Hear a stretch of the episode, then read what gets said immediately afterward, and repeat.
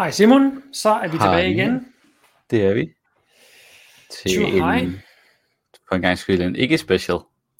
Ja, eller man kan jo godt sige, at det er en special, fordi det er jo en special, som er ligesom det plejer at være, hvilket jo er lidt special, når vi har kørt så mange specials. Ja. Giver det specielt meget mening? Alt efter hvor mange gange du vender drejen. Nå, men øh, der er jo sket en hel masse i den her uge her, blandt andet, øh, som jeg har lavet på den lille, på den lille opslagslogo der, en lille øh, opdatering på COP27. Det er Ja. svært efterhånden at holde styr på, hvor mange vi er oppe på dem der. Ja, Men også- øh, hvis vi skal redde verden, så skal der åbenbart tales rigtig meget. Ja. Det var Øh, ty- tydeligvis mere nu, efter, efter vi kunne høre dig her i starten. Ja. Ja. Øhm, det er at tage, det er at tage for forskud. det er det nemlig. Det, vi, vi, skal ikke, øh, vi skal ikke være så hurtige. Øhm, ja, hvordan, er det, hvordan har det været for dig her på det seneste? Jamen, øh, kom så ovenpå, ovenpå valgkampen og finde ud af, hvad, hvad man nu skal bruge al sin tid på. Ja. Så der er noget jobsøgning i gang. Ja. Jamen, øh, jeg har da også øjnene åbne, hvis det endelig skulle være. Ja. At der er nogen, der sidder derude og mangler en eller anden til noget. Og så er, har Klimarådet kommet med en ny strategirapport, som jeg synes var spændende at tage med. Så det, ja, så den, den ved jeg, at øh, den vil du gerne øh, tale om. mm-hmm. Men øh, jamen, jeg tænker, vi kan lige så godt øh, kaste os ind i det. Jeg skulle lige øh, krydsopslå videoen på min side, og så se, hvordan det går. Sidste gang, der havnede den i Watch, og dem, der kender til Facebook, ved, at i Facebook Watch, der er ingen, der kigger der. Så det er et rigtig dårligt sted at, at krydsopslå noget som helst. Men ja, velkommen til Den Grønne Vinkel. Vi har, som, øh, som nævnt fra Simon, et par gode emner. COP27, en hurtig opsummering, Klimarådet, Øh, Venstre siger ja til CO2, CO2-afgift på landbrug. Så skal vi snakke om den kollektive transport. Vi skal snakke om vismænd og deres øh, tilgang til CO2-afgiften. Mm. Så skal Europa spare på strømmen. Og der vil du fortælle noget om det, øh, Simon. ja, Og så er øh, ja, og så er lab meat, altså det her med grå kød øh, uden et dyr, det er kommet et skridt nærmere. Så det er dagens øh, gode nyhed i sidste ende.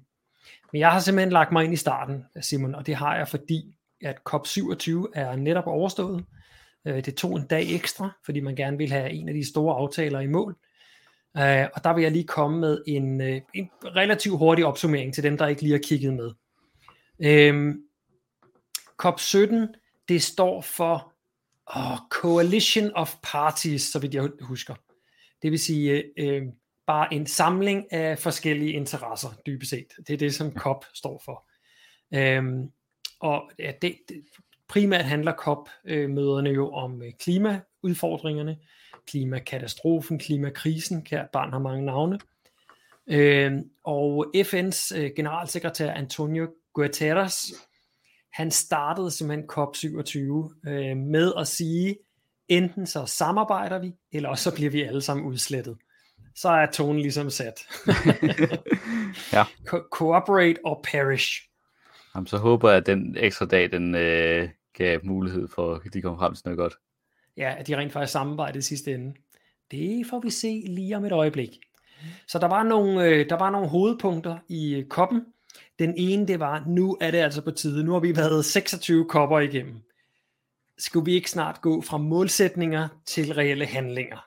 Eller sagt på en anden måde, øh, vi har jo hele tiden snakket om det her mål om at, om at holde øh, temperaturstigningerne under halvanden grad.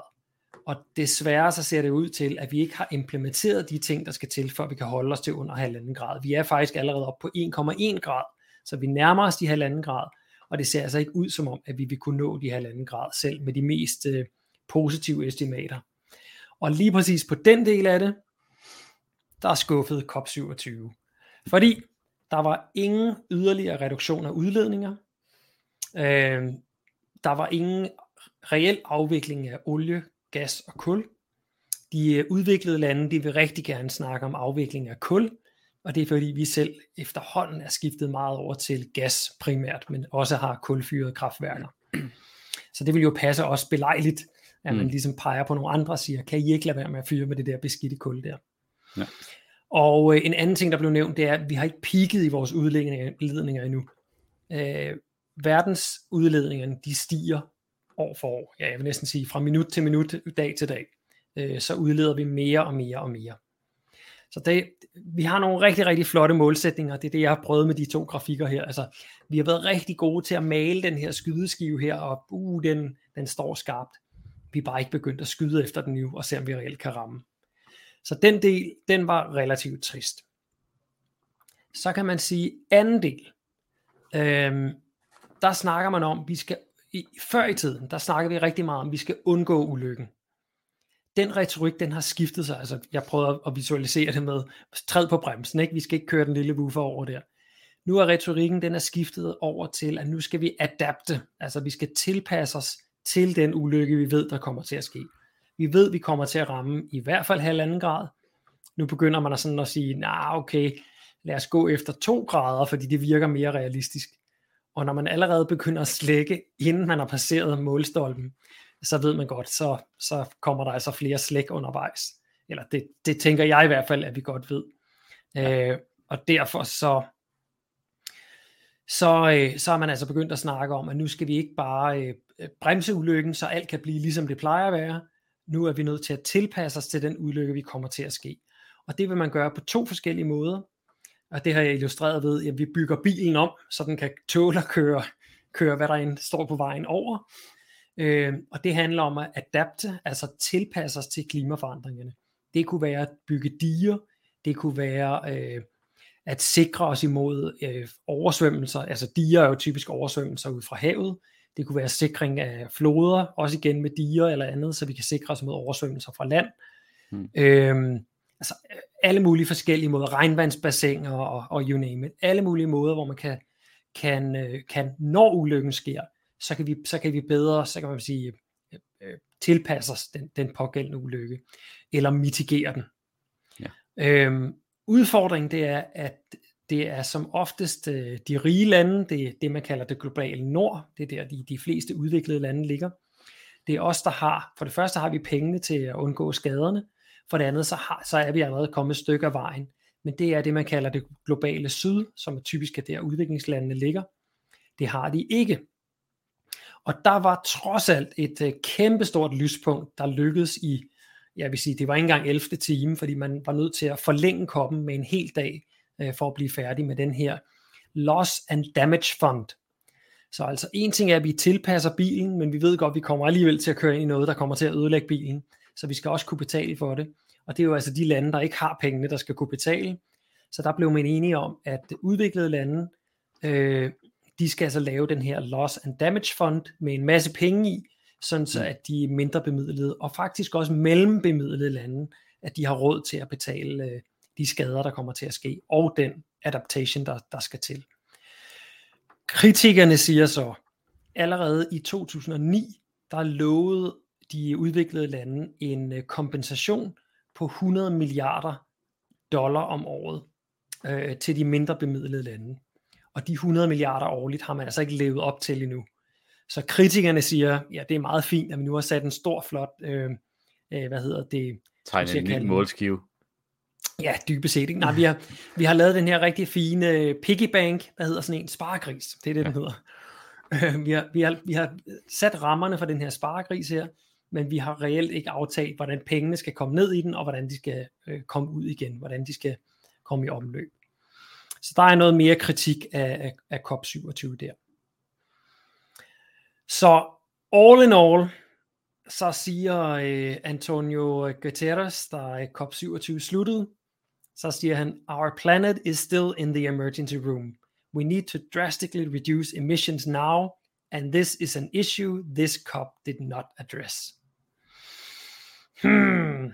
Så der var altså nogle, øh, der var nogle små plastre på nogle meget store sår, men ingen reel adressering af de store problemer, vi har, nemlig at vi ikke kan slippe af med øh, fossile brændsler.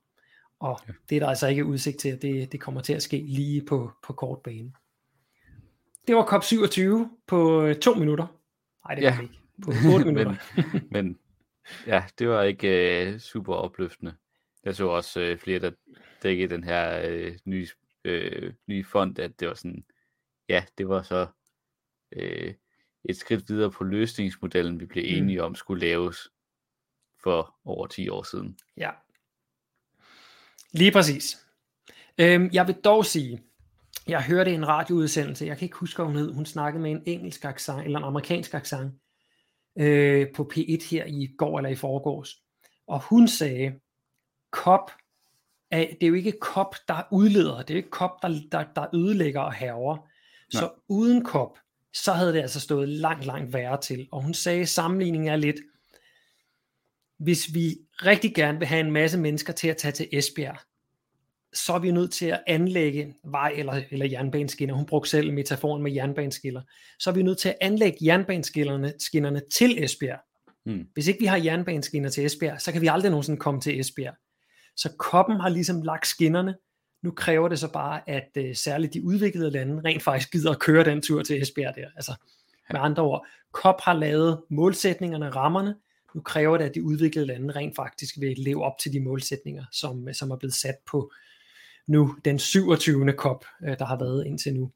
Ja. Så Det, og det er jo det, det der altid er, spændende politik, det er jo mere, jo længere op du kommer på sådan, glo- fra lokal til global, så jo mere bliver det målsætninger og rammevilkår, Ja.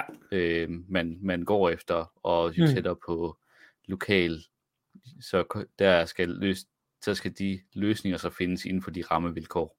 Ja. Ja, fuldstændig rigtigt. Øh, Priska har lige en kommentar her. I den hellige kapitalismes navn er klimatopmødet nu blevet et marketingsevent for fossillobbyisterne. Øh, 336 delegerede fra olie- og gasindustrien var der i Ægypten, hvor der ikke kom en skid andet ud, end det vi sender nogle kompensation til de fattige lande, fordi vi ikke har tænkt os at stoppe med at bruge fossile brændstoffer. Næste års klimatopmøde er i de forenede Ara- arabiske emirater, der som den, de eneste overgik olie- og gasindustrien med over 1000 lobbyister. Ja, ja. Ja. altså, det, der er ingen tvivl om, at der er en del af det her, der er show. Men, men igen, med de ord fra hende, som jeg desværre ikke kan huske, hvad hed, så hvis ikke man lægger skinnerne, ja, så kan man slet ikke køre den her grønne tur til, øh, til Esbjerg.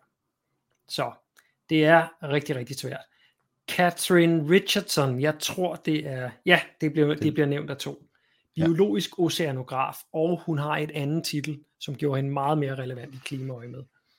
Øh, ja, det var sindssygt spændende at høre hende. Så der, der kan jeg se, der, der, er, der er andre end mig, der hører P1. Ja. Fantastisk. Nå Simon, vil du ikke tage den videre lidt, øh, lidt nærmere end COP27? Ja, fordi det, er, det, det spiller rigtig godt ind i, fordi at øh, Klimarådet har kommet med en kommentering på den globale strategi, altså Danmarks relation til den globale strategi, Mm. øh, hvor at jeg lige tænkte, de, de inkluderer den her graf ligesom for at sætte øh, fokus på problematikken, og det er, at Danmark altså stadig er det anden mest udledende land per indbygger i Europa.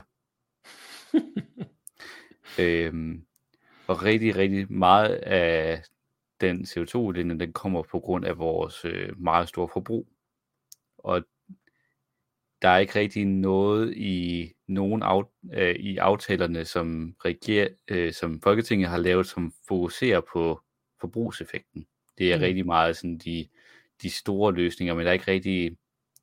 Øh, CO2-afgiften er det første skridt mod at adressere forbrugseffekten, altså det her, som vi alle sammen individuelt står for, men som vi som samfund kan, kan sammen ændre os alle, sådan presse os alle sammen over i en mere bæredygtig forbrugs øh, måde at leve på.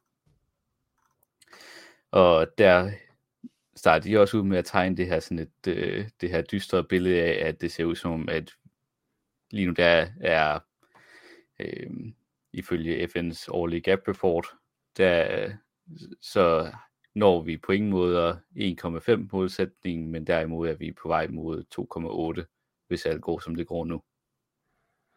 Hmm. Men i hvert fald så sætter, sætter de nogle, nogle indsatsområder op, som de mener, den kommende regering så skal, så skal tage, tage fat på. Og det er blandt andet, at Danmark skal se på at ikke lave deciderede målsætninger, men begynde at lave pejle, pejlemærkninger og, øhm, øh, og rent faktisk inkludere altså i ministeriernes arbejde, der skal man inkludere øh, det, vi importerer, altså Mhm. mm-hmm. importvarer CO2, så de, så de fremstår i regnskab, så man kan bruge det til, så man kan forholde sig til det, og Ja. så også, hvad vi eksporterer. Altså, så vi Mm. Begynder at se på det, det man ofte kalder scope 3. Ja, det er lige præcis det, Olav Bak spørger om her, så det var, det var god timing.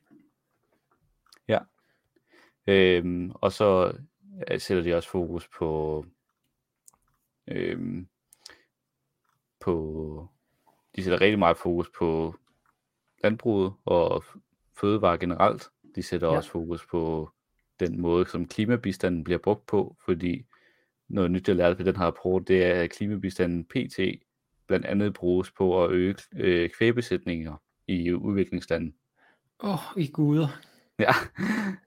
øhm, bliver sikkert også brugt til en masse godt, men det er sådan noget, den, som, som den også bruges til. Og der pointerer de jo så rigtigt nok med, at, det, at vi skal være bedre til at, når vi ligesom giver, subsidi, når vi giver subsidier ud, mm. både til in, internt i, øh, i Danmark, men også til, an, til andre lande, så skal vi være bedre til at øh, vejlede og sætte rammer for, hvad de penge så skal bruges til.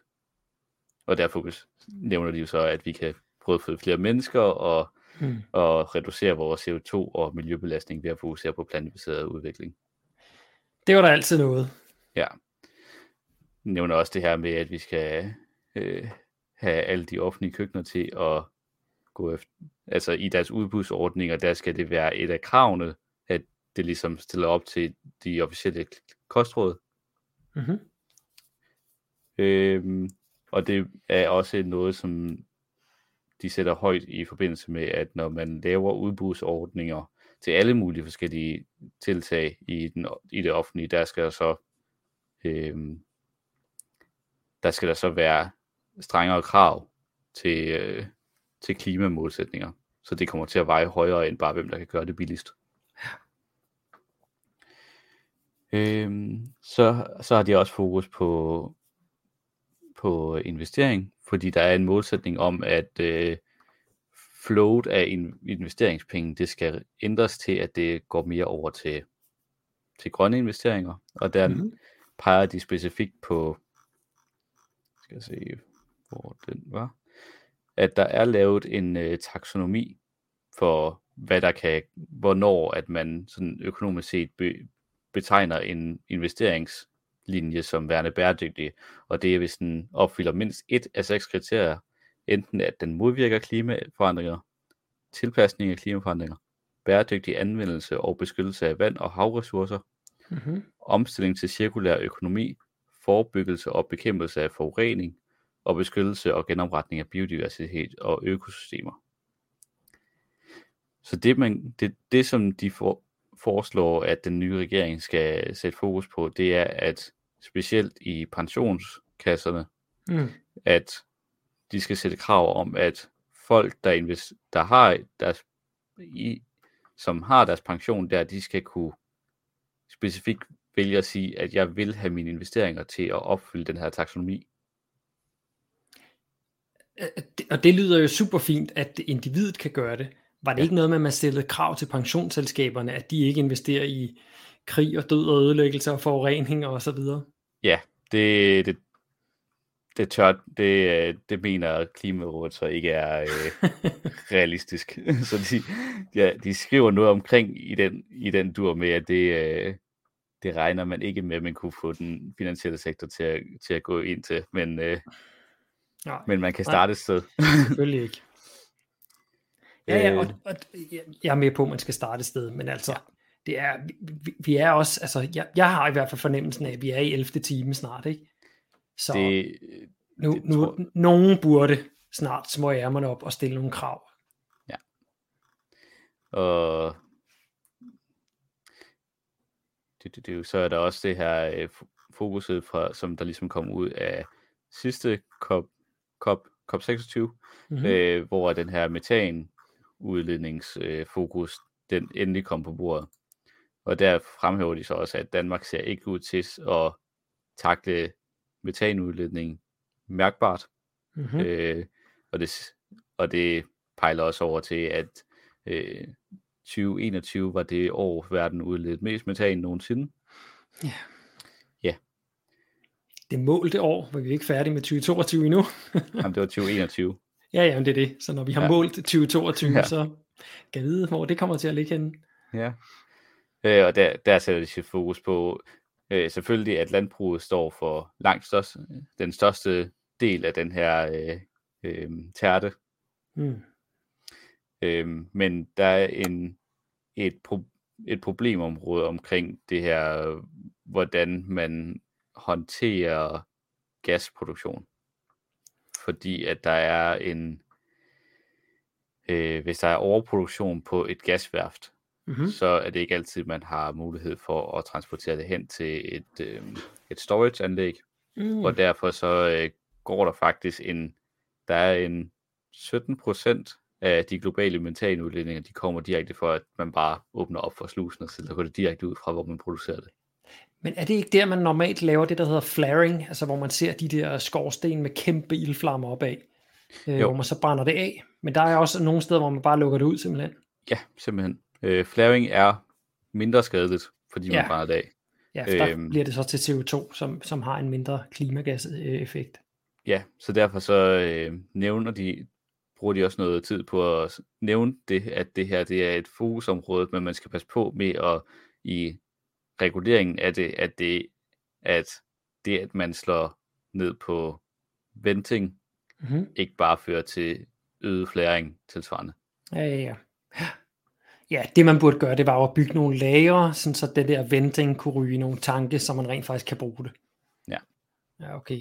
Men 17 procent, sagde du 17 procent af produktionen bare bliver lukket ud? fjor- nej, 14 procent af al metanudledning, vi har, så jeg ved ikke, hvor meget, det er, hvor meget produktionen det er, men 14 procent af al metanudledning, vi har i alle sektorer til sammen, kommer direkte fra, at vi bare lukker op for slusen, og så smider, smider ud igen. I guder, mand. Åh, nogle gange så tvivler jeg altså på menneskets kloghed.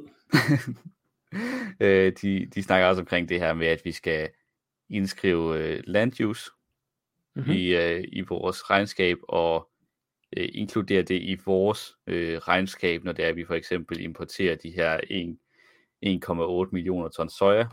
mm-hmm. fordi det har en, en meget stor effekt på, på land use. Ja. Øhm, og det er også, de nævner også specifikt det her med, at det her er både i delen omkring at regne vores regne med i, hvad vi importerer og hvad vi eksporterer, fordi at det her nemlig er, at sojaen er et rigtig godt eksempel med, at vi fælder skov i Sydamerika for at producere soja, og så transporterer det hele vejen til Danmark, mm. hvor Mm. vi så bruger 4 femtedel af det soja til direkte eksport igen igennem øh, svin og, mej- og Ja. ja. primært svin og mejeriprodukter til, til Kina øh, og andre lande. Og så er der så øh, fokus på, og som det sidste, så er der så fokus på fly, øh, flybranchen, Mhm. hvor at det basically er bare, der skal, der skal ligesom andre, øh, de nævner sammen med andre punktkilder, at de gerne ser, at der er de øh, aktiviteter og produkter, som har størst klimaskadelig værdi, øh, der er tiden til at lave direkte punktafgifter på dem, ud over CO2-afgiften. Okay. Så, di, så direkte punktafgifter på øh, kød for klovdyr og flyrejser for eksempel. Men det må vi tage op i alternativet jo. Det, er, ja. Det, det, det kan vi godt. Spe- specielt øh, på flyafgiften, fordi den er svær at inkorporere under et øh, færre øh, CO2-afgiftssystem, Mm. fordi at der ikke rigtig er noget af den øh, CO2, der bliver brændt af i flytransporten, som bliver regnet med i vores øh, regnskab. Så derfor kan du ikke bare lægge en CO2-afgift på. Ah, ja, selvfølgelig. Det er jo i internationalt, øh, eller det er ude i, det er ude i luftrummet, og derfor så, ja. så bliver det slet ikke talt med, ligesom øh, Sojas skibstrafikken, det er jo også Ja. international farvand. Ja. Uh-huh. Interessant. Altså, øh, det, nu er der så blevet kommenteret fra Klimarådet, Ja. og der er kommet de her, ja, skal, skal vi kalde dem kritikpunkter? Så det, så det er, ja, det, så er der jo ikke så meget andet, end at vi skal vente på, at der bliver, der bliver lavet en regering, som så skal forholde sig til det her dokument. Okay, ja, fordi det, det var det, jeg synes, der var det interessante. Altså, øh, vi kan selvfølgelig alle sammen bruge kritikken her, og, og forhåbentlig lære noget af den. Men, men hvad så? Altså, hvad, hvad, hvad kommer der så ud af det? Og ja, det du siger fordi... her, det er så, det her, det, det kan man sige, det er jo faktisk et arbejdspapir til den kommende regering, ikke? Ja, det er sådan, de sætter nogle, noget kritik op, og så nogle arbejdspunkter. Altså, hvis vi virkelig vil ramme noget øh, reelt reel klimahandling, så det er de her, jeg tror det er syv, for, syv forskellige arbejdspunkter, hvor de sådan mm. har nogle underpunkter, sådan de her ting så rammer i det her område. Ja, okay. Jamen det er da, det er da egentlig meget fedt, at, at det bliver konkretiseret på den måde der. Ja, og jeg synes det er fedt, øh, det, det, det er et meget fedt dokument i den forstand med, at det netop begynder at sætte fokus på scope 3, altså det her, hvor vi tænker ud over, hvad vi bare forbruger, hvad vi producerer og forbruger internt i Danmark. For, fordi netop som de siger, at hvis det nu var, at alle andre lande skar ned på deres CO2-forbrug i deres produktion og sådan noget, mm. så kunne man som sådan godt lave argumentet, at, den, at al den her scope 3-indsats er overflødet. Hvis alle bare reducerede, så vil, så vil øh, til, tilsvarende inden for scope 1 og scope 2, så vil det hele gå op i scope 3. Ja, jo, fordi scope 3, det er jo, hvad de andre laver, ikke? Så hvis de andre reducerer, så behøver vi ikke tænke på det. Ja, det, det er, hvad andre laver for os. Ja. Men, ja, ja, det, det giver jo god mening jo. Men det, men det er så det her med, at efterhånden, som der er andre lande, som for eksempel Sverige, som begynder at tænke de her tanker, mm. så hvis Danmark skal blive ved med at brande sig selv som et foregangsland, så det er også noget, vi bliver nødt til. Og det er også med til på den globale strategi at presse andre lande til at følge op. Ja, altså man kunne gøre det lidt ligesom vi foreslog øh, tilbage i VP-dagene, at man lavede en, øh, man lavede sådan en, en intern beregning. Øh, hvad var det, vi kaldte det? Et, et, øh, man lavede et internt klimaregnskab i for eksempel en kommune, hvor man så siger, øh, det kan godt være, at, at denne her dims, den koster 1000 kroner, den her koster kun 800 kroner, men den til 800 har udledt mere CO2 end den til 1000. Mm. Ergo ligger vi en, en, øh, ja, en intern CO2-afgift ovenpå. Så i vores, i vores eget regnskab, når vi kigger på prisen, og vi skal købe det billigste selvfølgelig, for at spare på skatteydernes penge, så viser det sig så, at den til 800 kroner faktisk ikke er den billigste, fordi den så har udledt så og så meget mere end den til 1000. Så vi køber den til 1000. Ja. Og dermed er den ja, i det totale billede billigere. Ja. Det, det kunne man jo øh, altså det kunne man jo godt netop lave med den her søjle 3, som du nævner, ikke? Øh, ja regne, regne den med, men alligevel ikke regne den med. Ja. Øh, ja. ja. Spændende. Så, og grunden til, at, og grunden til, at de siger, at man ikke skal passe på med de her præcise målsætninger og sådan noget, det er fordi, at det bliver super svært at regne, at regne ud. Mm. Men til gengæld, så når man, laver, når man begynder at lave de her sådan, øh, grove udregnelser og, øh, og pejle, pejlemærker, så giver, åbner det også op for muligheden for, at man kan vurdere klimanytten af de eksport, eksportvarer, vi, vi laver. Så for eksempel, når vi ikke med, øh, producerer og eksporterer vindmøller, ja. så vil vi også få mulighed for at se en nytteværdi af det, for vi begynder at regne på det. Okay, så, så en eksporteret vindmølle kan faktisk så til negativt i Danmarks CO2-udledninger? Ja, de siger så, at, den skal ikke, at man skal politisk ikke modregne den, den vores udledning. Okay men at man kan bruge det som en politisk sådan, øh, inden for sådan øh, positiv værdiskabelse. Mm. I at man man kan bruge det, man kan bruge det til ligesom, hvor, hvor, hvor, hvor skal vi lægge vores investeringer hen, når vi investerer i klimaet. Ja. Så vi får nogle konkrete ting at forholde os til. Ja, ja, ja. Det giver meget god mening. Ja. Vi skal i, øh, i tidens øh, på, på, på foranledning af den fremskredende tid, så skal vi videre. Ja. Så jeg vil overtage musen her og gå videre til næste emne, men tak for den gennemgang, Simon. Det var, det, ja, det, det var, det var en meget god, øh, meget god gennemgang, synes jeg faktisk. Altså, der, var noget, der var alligevel noget positivt i det, selvom, selvom man kan sige, mange af tingene er, er negative i sig selv, men det, at det ja. ligesom kommer flyder op til overfladen, gør jo så, at man forhåbentlig kan, øh, kan reagere på det. Jeg linker lige også til den her i kommentarfeltet, fordi at det var, jeg tog meget overordnet på de forskellige punkter. Den er ikke så langt, er 16 sider, øh, okay. men den er meget detaljeret. Ja. Dens ordbrug. Så. Super. Godt. Hvis vi skal lidt tilbage til, ja, faktisk nogle af de ting, du snakkede om her, med noget CO2-afgift og så videre, så er der positivt nyt fra øh, Blå Blok. som jo ellers har været meget, meget negativ på, øh, på CO2-afgift først, da de så begyndt at sige, ja okay, det kan godt være, det faktisk er en god idé, så skulle det i hvert fald ikke ramme landbruget. Og der er nu lidt af en kovending her fra Jakob Ellemann, der var ude i sidste uge og sige, vi kommer ikke uden om en klimaafgift på landbruget.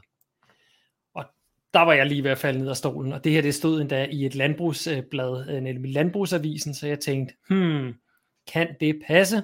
Og selvfølgelig, når man så læser ned øh, efter den her clickbait overskrift, så står der, vi skal gøre det på en måde, hvor vi understøtter erhvervet, og ikke bare skubber udledninger og arbejdspladser til udlandet.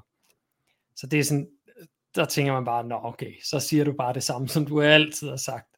Øh, fordi der er jo ikke nogen reel snak om, at noget, øh, altså det første han siger, at det skal understøtte erhvervet. Ja, men altså, bare fordi noget udleder, og vi synes, det er skønt at have det, så kan vi jo ikke have den udledning. Så, så vi er jo nødt til at... Ja, ja altså ja, vi, vi skal understøtte erhvervet som sådan, men vi skal ikke understøtte udledningerne. Jeg føler, jeg så, jeg føler, jeg så præcis den her øh, formulering fra Mette Frederiksen i den anden sidste sådan store øh, partilederrunde. ja, de er nok begyndt at nærme sig lidt, de to. Altså. Øh, og, så, og så det her med, at udledning af arbejdspladser ikke bare skal skubbes til udlandet, at den er jo blevet tilbagevist mange gange med lækagerater og så videre. Hmm. Men altså det han siger, det er, at vi skal investere i den grønne omstilling, vi skal forbedre fødevareproduktionen, konkurrenceforholdene, og at omverdenen kan lære af det. Og øh, ja, investere i den grønne omstilling, bla bla bla, det er jo det er sådan noget øh, bullshit bingo. Forbedre fødevareproduktionen, det tror jeg ikke engang selv, han ved, hvad det betyder. Om vi skal have mere fødevareproduktion, eller det skal være bedre varer, eller hvad det betyder. Konkurrenceforhold, så er vi tilbage i, at det er noget erhverv, og erhverv, det er bare heldigt, det må man ikke pille ved. Men en rigtig øh, god ting, han, øh, han lige kommer ind på her, det er, at omverdenen skal kunne lære af det. Mm. Og der har vi jo altså det næste store erhvervseventyr for Danmark, fordi hvis vi øh, virkelig satser på, på grøn omstilling i landbruget, altså regenerativt landbrug, øh, plantebaseret landbrug, så vil, altså, det giver, ikke, det giver ikke mening i dag at have en masse teknologi, og så sige, nej nej, vi skal ud og stå med en, øh, en hakke og, og gøre det manuelt i jorden. Så selvfølgelig vil der være en masse teknologi, vi kan bruge i det plantebaserede landbrug. Og øh, når vi bliver gode til det, så vil der også være muligheden for at eksportere det til resten af verden, og dermed så kan deres omstilling også blive kickstartet. Så ja. trods alt, så, øh, så har han da fat i noget her. Og så har jeg lige sluttet af med at skrive ned i bunden, to be continued. Ja. Så det kommer lige efter dit næste indslag her, Simon. Som er, at øh, der er tid til, at vi igen tænker den kollektive transport, og det sætter Concito og Gate 21 så fokus på i den her artikel, hvor at øh, der er egentlig ikke så meget at snakke om her, det, men det er, et, det er nogle rigtig gode tanker, som jeg tror bliver utrolig relevante i forhold til vores grønne omstilling, vores transportsektor. Mm-hmm. Øh, og det er at begynde at tænke mikrotransporten ind i vores kollektiv transport. Ja. Så, så at så vi ikke bare kommer til at fortsætte ned den her vej, hvor at den kollektive transport aldrig helt kan øh, være i konkurrence med, med privatbilismen, fordi at den ikke kører dør til dør. Ja. Så derfor så ønsker Concito, at der bliver nedsat øh, et arbejde på at inkorporere de her øh, alle mulige forskellige udbud ind under en samlet ordning, så det kan indgå, altså når du køber, når jeg køber en billet øh, fra, øh, fra Odense, og så skal jeg besøge familien i, i Jylland, så mm. det er ikke sådan noget med, at så, okay, så skal jeg lige tjekke øh, den ene app for at låne en cykel fra, fra mit hus til, til stationen, hvor jeg så skal tage et tog, øh, og så fra den togstation, så skal så enten skal ud i noget taxiservice eller et eller andet for at, ja. for at komme det sidste stykke øh, ud til, til hvor familien bor. Mm. Øh, så derfor så skal der være, øh, at min de her tiden er inde til, at vi laver forsøgsordninger med netop at inkorporere øh, de her mikroløsninger i, øh, i vores kollektiv transport og inkorporere den i billetkøbet. Det, det kan jeg godt lide. Øhm, hvis man kigger på vores uh, transportudspil, fra, uh, som, som, uh, som Peter Kjær Hansen han lige nåede at lave, uh, inden han stoppede som ordfører, så er der jo mange af de her tanker med i det, så jeg er sikker på, at det er noget, de har fået fra, fra Alternativet af. Uh, netop det her med at kigge på, ja, som du selv siger, fra dør til dør. Ikke? Hmm. Uh, en af de ting, der er i vores, uh, vores udspil, det er fjernelsen af kørselsfradraget, som Olav han også lige minder om her. Så det, det er også en af, en af måderne at gøre det på, hvor man så, altså det skal ikke bare være fjernelse af kørselsfradraget, det er en omstilling af kørselsfradraget til bæredygtig transport i stedet for. Så hvis man kører bæredygtigt, så får man altså pengene tilbage, øh, ja. i stedet for øh, at få det her kørselsfradrag, som jo bare dækker alle former for transport. Ja, og hvis, og hvis så at gøre, ligesom sørge for, at den kollektive transport, den dækker, dækker fra dør til dør, så håber man også med på, at vi kan ændre udviklingen, fordi i løbet af de sidste 10 år, så er det blevet relativt set billigere og billigere at have en privat bil, kontra at den kollektive transport er blevet dyrere, dyrere og dyrere at bruge. Så det, det er en udvikling, vi, altså vi, der er blevet sat skub på, specielt under den sidste lykkeregering, som ligesom fjernede, eller lempet på en masse afgifter på specielt de store biler. Mm. Øhm, så på den måde, så er der god grund til at reintroducere nogle af de former for afgifter, og så på, samtidig dække, dække det her, øhm, øh, de her sidste kilometer, der ofte er mellem, øh, mellem en person og den traditionelle kollektivtransport. Mm-hmm. Mm. Det er spændende det her.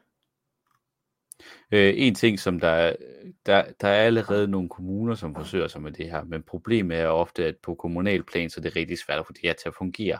Ja. Specielt når det er øh, kommuner, som ligger tæt i sådan arbejdsrokade øh, op af andre kommuner.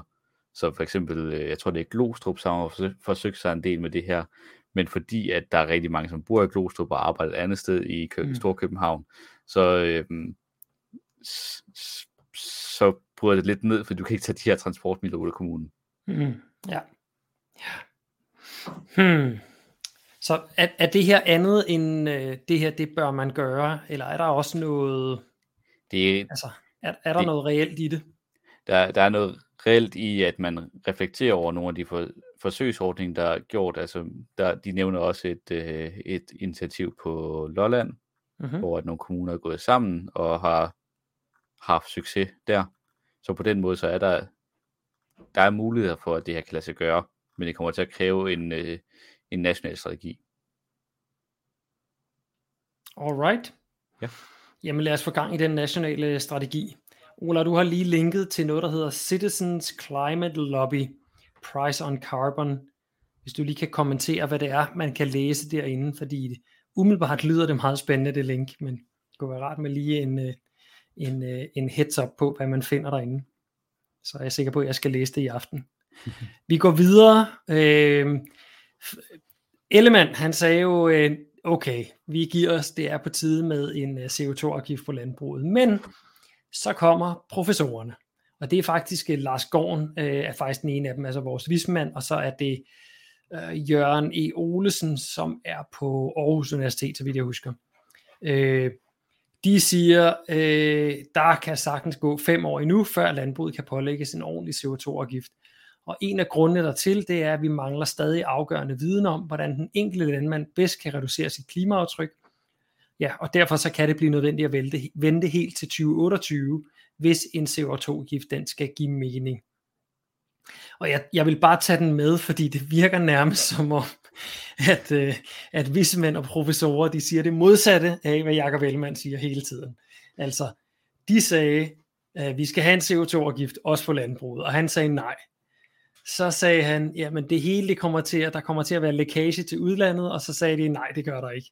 Og nu siger han, der skal være en CO2-afgift, og så siger de, nej, det kan vi altså ikke lige, fordi vi ved reelt ikke, hvor vi skal øh, lægge den her CO2-afgift, i hvilken format den skal have osv. Og en anden grund til, at jeg tog den her nyhed med, det er fordi, jeg er ret sikker på, at du og jeg, Simon, og flere af jer, der kigger med, tænker, jamen vi ved da godt, hvor en CO2, CO2-afgift på landbruget, den giver rigtig, rigtig god mening. Og nej, det er jo ikke nødvendigvis på markerne, hvor der sker de her biologiske processer, men hvor man fanger CO2 fra luften, øh, binder den i nogle planter, som vi så bruger til noget andet, og frigiver den nøjagtige samme mængde CO2 igen. Nej, der hvor det giver rigtig god mening, det er jo der, hvor vi øsler CO2'en væk, og det er primært i den animalske produktion. Øh, og når vi hælder kunstgødning på markerne, og når vi fritlægger øh, vådområder og, og lader CO2'en sive op af den. Så jeg tror, vi alle sammen har indtrykket af, at vi, vi faktisk godt ved, hvor det er henne, men man må også bare lytte, når flere professorer de siger, vi ved i realiteten ikke helt, hvordan en CO2-afgift den skal skrues sammen. Og så tænker jeg, nå, dammit, jeg troede lige, vi vidste. Ja, det er også en af grundene til, at øh, den der rapport, jeg, snak, jeg gik over fra Klimarådet, de nævner at, øh, de her punktafgifter. Mm. Øh, netop også fordi, at så kan man putte det på forbrugs, øh, det, det sidste forbrugsled, i stedet for på produktionen. Ja. Og så kan man netop implementere i stedet for, at det er øh, danske landmænd, som så skal dække over de her omkostninger øh, på den ene eller den anden måde, og så at, at en dansk øh, bøf for en ko kommer til at koste mere end, end importeret. Men mm. ved at mm. lave de her punktafgifter, indtil at vi begynder at have gode modeller, som der også kan begynde at implementeres i andre dele af verden, så, øh, så kan vi gøre, gøre det fair på den ja. måde. Altså så ligger vi en flad afgift på alt oksekød. Mm. Eller alt mælk. Ja. Og apropos øh, det med en færre afgift, så det link, som Olav han linket til før, der skriver han her, det handler om en del af afgiften føres tilbage til befolkningen. Ja. Det er jo også en måde at lave sådan en afgift her færre på. Det er ved, at man siger, okay, der er to forskellige varer, den ene den forurener rigtig, rigtig meget. Vi lægger en afgift på den, og den afgift bruger vi faktisk til at sænke prisen på den øh, vare, som udleder meget, meget lidt. Og på den måde bliver den meget billigere, og så bliver det faktisk endnu mere skewed forholdet mellem de to. Ja. Og så giver det næsten ikke mening ikke at købe den, øh, den grønne vare øh, længere. Ja, eller som, jeg tror måske også, det er det, som Citizen Climate Lobby er inde på, men også øh, Klimarådet, de nævner også det her med muligheden for at tage de her afgifter, man så laver på, på fly og oksekød og sådan noget, og så føre direkte tilbage i lommerne på befolkningen. Ja. Så den, på, der, er, der er dog en ting, jeg ikke forstår der, og det er, hver gang penge de skifter hænder, så resulterer det i CO2-udledning. Så hvis man giver penge tilbage til befolkningen, så bruger de dem, og alt forbrug øh, skaber mere CO2 i luften.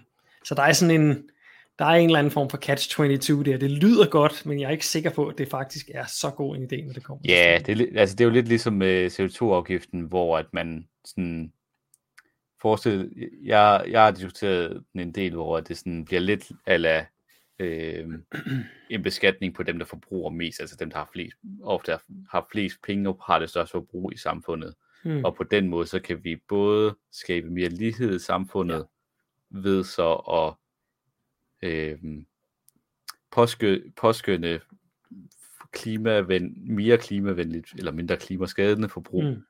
ved at du så køber bønder i stedet for oksekød, du tager på en oplevelse i, øh, i den nærmeste park, eller et eller andet, mm. som ikke udleder det, det sønderlige CO2, i stedet for at tage på en rejse eller købe en ny fladskærms TV. Ja. Øhm, ja, så, så på den måde så lave en økonomisk effekt, som man samtidig kan bruge på at udligne noget af uligheden, der er i vores samfund. Ja. Ja. Agenda 21, siger konspiratorerne, men det er en helt anden snak. Ja. Godt. Kom du videre, Simon? Yes. Nu skal vi til noget lidt, lidt sjovt, fordi at øh, øh, jeg fandt en artikel her, som øh, ligesom fremhæver, hvordan forskellige europæiske lande takler, takler de energibesparelser, de nu skal lave på grund af, øh, at, Rus, at Rusland har stoppet, eller vi har stoppet med at tage gas fra Rusland. Mm-hmm. Så på den måde, så for at vi kan komme igennem denne her vinter, og forhåbentlig også den næste, inden vi kan nå og reelt gøre noget i vores energiproduktion og øh, effektivisere vores huse, så der er andre ting, vi bliver nødt til at tage hånd på for at reducere vores, vores forbrug. Ja.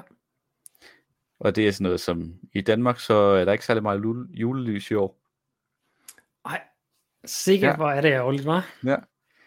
Det er i hvert fald lige det, det eksempel, de har, de har med her, men jeg ved også, at der foregår en del flere ting. Så vidt jeg kan forstå på nogle af de andre øh, i min omgangskreds, så er det nærmest umuligt at finde en sauna i Odense nu.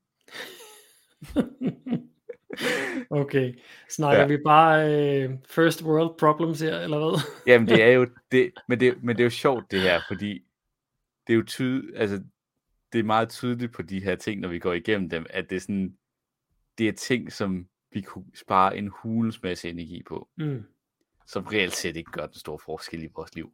Ja. Så det er netop, netop det er sådan noget sådan, at øh, i Finland, der har man så, øh, ja, der har man, hvad står der, øh, ja, finder de øh, bliver, bliver påskyndet til at skrue ned for deres termostat den her vinter, og så måske bruge lidt mindre tid i deres øh, højt elskede sauna.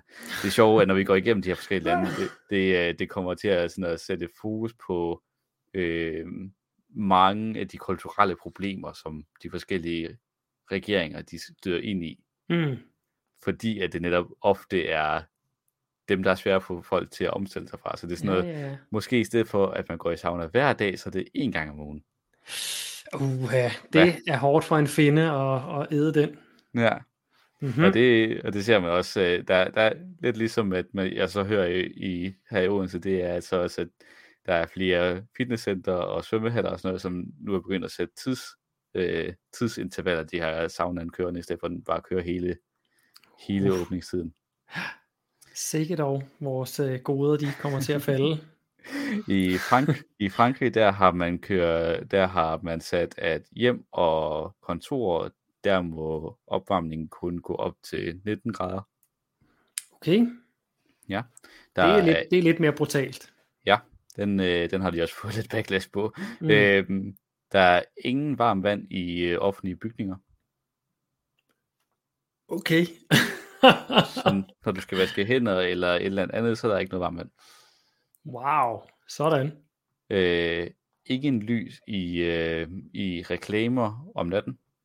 Ja, Øh, der må ikke øh, der må ikke lade, man må ikke øh, have døre til at stå på stå åbne, når det er øh, butikker, som har enten opvarmning eller aircondition. det giver faktisk mening. Det er en ting, der altid har generet mig. Når man går hen af, altså når du går en tur på strøget eller en hver øh, strøggade i, øh, i Danmark, hvor mange butikker, der bare har dørene blæsende åben, og så har sådan en lige inden for døren, der blæser varm luft ned. Og der er dejligt varmt inde i butikken, og så er der lige det der blæsevejr, og så er der Ja. iskoldt ude foran. Og jeg tænker, ja. hvad er hulen? Fortæl mig lige, er det også de der gaslamper ude ved øh, fortovscaféerne? Det står der ikke. Det kan være, Men- at de simpelthen ikke kan ofre dem. Men, men, men, men det, øh, det kunne da være, altså, det kender jeg i hvert fald nogen, der ville synes, det var et rigtig godt sted at starte. Ja. Øhm, ja, altså, og der, der er der nogle, også nogle franske politikere, som øh, kommer ind på det her med, at det her, det er faktisk nogle ret gode måder, vi lærer på at skære ned på, at mm. vi kan nå vores klimamålsætninger mod 2050, at vi lærer de her helt basale energispareøvelser. Ja. Ja, man kan sige, altså, man kan jo næsten sige, det de gør her, det er, at de fjerner i hvert fald energifrosen. Ja. Altså der, hvor man bare nærmest bare hælder det ud i, direkte ud i atmosfæren, ikke? Ja. Ja. Øh, og der, Tyskland gør stort set det samme som Frankrig. Øh, Mm-hmm. Der, de går, der er til gengæld fokus på det her med, at øh, de slukker for lyset på deres landmærker. Okay, altså de der store projektører på kirker og slotte og tårne og alt muligt. Ja. Okay. Brandenburg-gaten og alt sådan noget. Ja, ja. At øh, efter klokken, hvad er det, klokken 10 om aftenen, så er, så den plejer jo at være oplyst alle, alle dagens døgn. ja, Ja. Eller alle dagens, dag, døgnets timer. Ja. Men den bliver så slukket. Wow, det er, ja, okay. Ja. Og der er også øh, nogle regioner i Tyskland, som så har gået et, st- et stykke videre end øh, bare at lukke for, øh, lukke for øh, det varme vand i kun offentlige bygninger, så er det mm-hmm. også i, øh, at de har implementeret, at alle svømmehaller og, og fitnesscenter og sådan noget, det er også bare cold showers. okay, det er crazy. Ja. Der, der, der, der altså, jeg, jeg ville ikke kunne, jeg ville jo dø, hvis jeg kunne tage et koldt bad jo. For hjertestop. altså, jeg ved ikke, hvad deres definition på cold showers er. Det kan jo godt være, at sådan, det kan godt være, at der er en lidt varmt vand indblandet. Alt under 35 grader, så dør jeg. Okay. det er ellers så sundt, du skulle prøve det. Ja, jeg har prøvet det. Tro. Jeg overlevede kun lige med nød og næppe. Nej. Mm. Øh, hvad, hvad er andre ubehageligheder og torturinstrumenter? Skal yeah. vi øh, ty øh, til for at klare den globale opvarmning? Italien havde en sjov en, hvor at, øh, der er simpelthen en øh, fysiker, som øh, har kommet i kæmpe, kæmpe stor øh, backlash over, at de vågede at påstå, at man kunne lave pasta på en anden måde. Eller man oh kunne koge God. pasta på en anden måde. Mm-hmm. Øhm, og det var altså ganske enkelt, at du koger vandet op til kogepunktet, hælder pastaen i og sætter låg på, og så næsten slukker for, slukker for varmen. dun, dun, dun. Så kunne du, der, der kunne du nemlig spare op til 8 minutter af energiforbrug. Lige præcis. Øh, jeg har faktisk, øh, altså det er jo det, man gør med risengrød herhjemme, hvis man er lidt, øh, lidt økonomisk bevidst. Øh, koger grøden op, den behøver ikke at stå og koge mere end sådan 5 minutter, før, man, før den er gennemvarm. Og så kan man pakke den ind i sin dyne, og bare lade den stå der i en time til halvanden. Så har man perfekt risengrød. Men jeg så en øh, skør englænder, tror jeg det var, eller også var han amerikaner. Øh, det er en gut, som laver nogle, øh, nogle fantastiske plantebaserede retter. Ham så jeg på Facebook, og han kom med et godt tip til at koge pasta, hvis man gerne ville have dem helt øh, perfekt al dente. Mm. Så lagde han dem i vand først. Okay. Så ligesom man udbløder øh, bønner eller, eller, eller øh, kikærter eller sådan noget, så udblødte han sin pasta først. og så kunne han tage de her, ja, altså, de var jo, øh, de var jo gummiagtige, kan man sige, de var bare ikke kogt endnu. Og så kunne han putte dem direkte ned i retten, og så skulle det kun have jamen, altså ganske få minutter, så var, øh, så var pastaen sådan set kogt færdig. Så okay. der, er et, øh, der er noget, man kan, kan ja. eksperimentere med. Ja, Olav han siger høkasse. Det er det gode gamle øh, navn for at, øh, at, at langtidskoge noget, uden at der er varme på hele tiden. Ja. Og så vidt jeg ved, kan man også gøre det med, med alle mulige andre ting. Pas på med bønner, fordi der er lektiner i, og de skal altså op, øh, de skal over, de skal faktisk op på på omkring de 100 grader i mere end et kvarter, øh, før mm. lektinerne er helt ødelagt, øh, og det er, det er okay at spise. Så det, ja. der er, man kan gøre det med mange ting, men ikke alting. Ja. Lige for at slutte den her, øh, den her pasta-historie af, så despite many at Italians refusing to follow this practice and having turned to social media to share their dissent already in May, the Association of Pasta Producers in Union uh, in Unione Pastai recommended the so-called Parisi method, hvilket er navnet på den her forsker. Okay. Wow. Ja. Hmm. Øh... Nå, det, det prøver jeg næste gang, og så ser jeg, om det rent faktisk bliver samme resultat. Fordi ja. hvis ikke de bliver italiano al dente, så ved jeg i hvert fald en, der afliver mig herhjemme, øh, som har italiensk blod i årene. Ja. Der skal øh... de koges på en speciel måde nemlig. Ja. I i Madrid, der har man nu implementeret til, at man skal, at alle butikker skal have automatisk lukkedør. Ja. Hvilket er, har skabt et, et enormt backlash, fordi at man faktisk øh, i, under corona indførte et krav om, at øh, alle døre skulle kunne stå åbne. Åh, oh, shit. så, så, så virksomhederne er ikke særlig glade for, at de, de var ude og investere i den her ene, med, ene dørlukningsmetode. Ej, hold kæft. Og nu skal lave den om igen. ja. Det er gakket. Vi har lige et, et tip til, ikke til pastakogerne, men til bønnekogerne. Øh, en trykkoger, siger Gudrun. Gudrun, kan du ikke lige skrive? Normalt så siger man, at de skal koge en lille times tid i en almindelig øh, gryde. Skriv lige, hvor lang tid det tager at lave øh, bønner i en trykkoger. Så kan det være, at jeg går ud og investere i en nemlig. Uh. Det kunne være smart. øhm, Sverige, de har valgt at lukke kirker. Ja. Cirka altså bare lukke og ja. låse døren simpelthen? Ja. Nå. Så jeg tror, det er en 700 kirker eller sådan noget over hele Sverige, som bliver taget ud af drift. Wow. Okay. Men, står der noget om, hvordan de har fået øh, Folkekirken, tror jeg den hedder derovre også, hvordan de har fået dem til det? Ikke i, ikke i den her artikel, andet Nå. end øh, det eneste, der er med, det er en udtalelse fra en, øh, en af deres biskopper, som øh, udtrykker, at de forstår situationen og går med til det, øh, men de er de, øh, de vil dog gerne have sådan mulighed for at øh, stadig inkorporere befolkningen i deres religiøse aktiviteter på en, på en eller anden måde.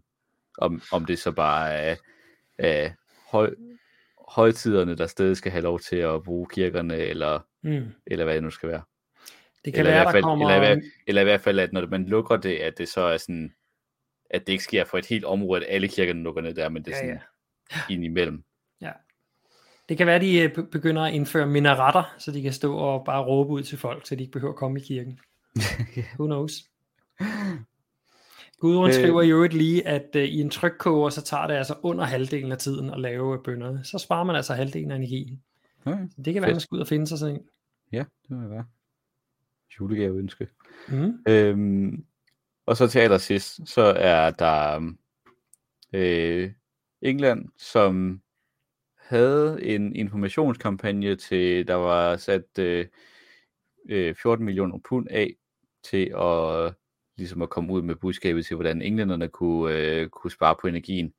Øh, den øh, nåede Liz Truss så i sin øh, meget korte øh, premierministertid at rive i stykker, og den nye bis, business øh, minister har bare sagt, det er ikke øh, politikernes opgave at fortælle folk noget, der er åbenlyst. De burde godt vide, hvordan man sparer på energi. Ja, se. Så, det, så, så, så, så England siger, det er sgu da ikke vores problem. Ej, hold da. Ri- Rishi Sunak er det, han hedder, ham den nye. Jamen, det er en af hans ministre, der, Nå, okay. der udtalte det. Ja. Åh, oh, i guder. Det lyder ja. næsten ligesom liberal alliancer hjemme. Mm-hmm. Så det var en, en kort oversigt over, hvordan øh, forskellige europæiske lande dealer med at skulle skære ned. Det og, så var alligevel... hørt, og så vidt jeg har hørt, så har Europa faktisk formået at ener- øh, reducere sit samlede energiforbrug væsentligt, Okay. siden, øh, siden at der begyndte at blive ligesom komme dekreter fra det europæiske parlament om, at man skulle reducere sit energifor- energiforbrug. Ja. Så må vi se, hvor længe folk de kan holde ud og ikke at måtte gå i sauna og tage kolde brusebade og ja, gå ind i døren, når de tror, de kan gå direkte ind i butikken. det bliver hårdt. Ja. Og ikke noget fra Danmark. Vi har ikke gjort noget endnu. Ej, vi slukker det for jul. Vi bruger, hænger færre julelys op og slukker for den Det er rigtigt, ja. Det er rigtigt, ja. Ja, det er så godt. Uf, nogle store, øh, det er nogle store ofre, vi gør Ja. ja. for fremtidige generationer. Tænk på julehyggen, Michael. Nå, jeg har lige en god nyhed til at runde af, og det er, at øh, vi har jo længe øh, snakket om, at, øh, at dyrenes redning, det bliver, at på et tidspunkt, så bliver det meget, meget billigere at producere deres kød i en petriskål, eller i nogle store gæringstanke, eller på en eller anden måde i et laboratorium. Og øh, der har vi jo ikke rigtig tænkt igennem, at en ting er, at man kan lave øh, en bøf i en petriskål, som man ser på billedet her, men der er jo faktisk en hel del krav, før ny, helt nye former for, for fødevarer må komme ud på markedet og godkendt til konsum. Men der er godt nyt i den her uge her, og det er nemlig øh, det, der hedder US Food and Drug Administration, FDA. De har annonceret, at de har godkendt kultiveret kød. Og det har de gjort i samarbejde med en virksomhed, der hedder Upside Foods. Upside Foods, de har altså sendt alt det materiale ind til FDA, som, som de kræver. Og FDA, de siger, vi har ikke flere øh, spørgsmål omkring øh, al sikkerheden. Øh, og det, det er altså deres måde at sige, øh, det er, det er, øh, det er sikkert, at, ja, det er fødevaregodkendt, kan man sige. Dog er der lige i USA, der er nogle ekstra ting, det kommer vi lige til om et øjeblik. Okay. Men altså, det som Upside Foods de gør, det er, at de tager nogle, øh, nogle biopsier fra kyllinger, og så øh, kan de faktisk gemme de her kyllingebiopsier og lave sådan nogle cellekulturlinjer af dem.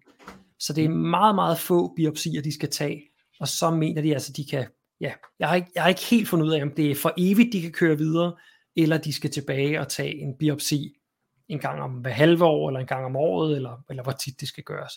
Men altså, en biopsi, det er altså en vævsprøve. Øh, dem, der har prøvet det, ved, at det gør ondt, men så er det ligesom også det. Man får et sår bagefter, og så er det overstået. Ikke? Ja. Det, de har godkendt, det er altså produktionsprocesserne. Det er selve cellematerialet, som er, bliver produceret i de her processer her. De har evalueret øh, cellelinjerne og cellebankerne. De har en, evalueret øh, proces, øh, eller hvad man siger, fremstillingskontrollerne, alle komponenter og alle inputs. Mm. Så det er altså det, det er hele vejen fra, fra, øh, fra kylling til færdigt øh, fake, eller fake real øh, kyllingekød. Øh, og det er kæmpe, kæmpe stort. Så nu er man virkelig et, et stort øh, skridt tættere på, at USA kan begynde at sælge de her øh, varer her. Der er dog lige det, at øh, udover at man skal møde de her FDA-krav, øh, så skal man også have en tilladelse fra det, der hedder United States Department of Agriculture, Food Safety and Inspection Service, USDA FSIS. Og hvis der er nogen af jer, der har set nogle udsendelser fra, fra USA og sådan noget, så øh, det stempel, der sidder på kød, der står USDA inde i det stempel der. Mm. Så det er dem, der har selve fødevarekontrollen, kan man sige, efterfølgende. Så FDA ja. godkender, ja, det må gerne komme ud, og F, øh, USDA, de øh, laver så kontrollerne efterfølgende, som gør, at man kan leve op til, øh, til tingene. Så altså, de skal godkende det, og de skal også inspiceres af USDA, før at, øh, at det så endelig må komme ud på markedet. Men altså, har du først øh, FDA-godkendelsen, så, øh, så er man rigtig, rigtig, rigtig langt. Så handler og, det vel egentlig bare om, at man skal gøre det, man ligesom har fremlagt i, god, i godkendelsesproceduren. Lige præcis, lige præcis. Og øh, bare lige for at, at breake, hvor, hvor, hvor stort det her det potentielt er, øh, også med alt det, vi lige har snakket om, så har Oxford Universitetet og Amsterdam Universitet har fundet ud af, at hvis man skifter over til den her, man kalder det clean meat, øh, det er ikke særlig clean, øh, fordi der er, der er stadig ikke alle de samme øh, karcinogener og mættet fedt osv., men skide være med det, nu snakker vi ikke sundhedsmæssigt, nu snakker vi øh, klimamæssigt. Der er clean meat, det reducerer øh, greenhouse gases, altså klimagasser med 98%, det reducerer landudnyttelsen med 99%, og det reducerer vandforbruget med op til 96%. Oj. Det er, det er virkelig, virkelig store tal det her. Altså, hvis vi kigger bare på klimagasserne, så kan du altså spise, skal jeg lige se, du kan spise 50 gange så meget af det her fake øh, kyllingekød, før du når op på den klimagasudledning, som almindelig kylling, øh, som, som dyre kyllingekød har. Så det er, altså, det, det er virkelig, virkelig stort det her. Så, det går, er, så går kylling lige pludselig fra at være sådan komparativ til ris, til at være komparativ til bønder. Fuldstændig, ja. Det, eller, det er ret vildt. Ja, det er, det er altså, det er groundbreaking det her. Ja. Så øh, det var simpelthen, øh, det var ugens gode nyhed, at nu kommer, nu kommer der snart, forhåbentlig kommer der snart de her produkter på markedet, som jo så, fordi vi mennesker, vi er ikke parat til at lade være med at spise kød i de mængder, som vi gør i dag. Det kan godt være, at du og jeg, og nu kigger jeg på jer, der sidder derude, I også er det, men det er der bare rigtig, rigtig mange, der ikke er. Og øh, derfor så skal vi have de her produkter her, så de kan blive ved med at spise deres kød, uden at skade dyr, uden at skade vores miljø, uden at skade klimaet, og uden at bruge alle vores øh, ressourcer af, af vand og skov og land og så videre. Så øh, det, er, det er godt nyt. Og, og det er jo fedt, altså uanset, altså jeg vil, jo nok, jeg vil jo nok ikke røre det her, på grund af at det sted involverer de her øh, biopsier, der skal laves på, på de her kyllinger. Mm. Men det er et kæmpestort første skridt, og eftersom vi godt ved, at det kan, altså at man kan man mener, det er muligt at blive ved med at lave det her ud for en enkelt stamcelleprøve. Så på ja. et eller andet tidspunkt, så når, ud, når, flere, når industrien begynder at bulle ud af, så på et tidspunkt, så har man nok også knækket koden til, hvordan man gør det kontinuerligt. Og på den måde, så, ja, så forhåbentlig på et tidspunkt, så er der ikke længere nogen dyr, der skal, der skal være ude til at blive hverken til at blive slagtet eller til at blive taget øh, prøver af. Og så... Lige præcis. Og ved du hvad? Hvis det kræver, at jeg en gang om året skal give en, øh, en, øh, en, en cellebiopsi fra en af mine muskler, så der bare kan blive produceret millioner af tons Michael-kød ude i verden, som jeg er sikker på smager rigtig, rigtig godt, så gør jeg det gerne. Altså, den, ja, den er, den, den, er jeg den, på. Den melder jeg mig også på. Den ja. tager jeg gerne. Så måske kan man øh, for fremtiden blive køddonor. så, er der, så er der ingen dyr overhovedet, der skal lide. Altså, så er der ingen, øh, så er der ingen ikke-menneskelige dyr, der skal lide. Nå, det var lidt et, øh, et, et, side, øh, et sidespring. Men det kan være, at vi kan snakke om det en dag, hvor vi snakker etik. Vi har været emnerne igennem, Simon. Det er ja. som sædvanligt har det været en fornøjelse at have alle jer med derude øh, i kommentarfeltet. Jeg håber, I har fået øh, noget input både til de emner, vi har snakket om, men også sådan, i det hele taget øh, nye idéer og tanker. Det håber ja. jeg også. Ja. Jamen skal vi så ikke sige tak for den her gang, Simon? Jo, og så ses vi næste uge. Det gør vi nemlig. Hej hej. Hej.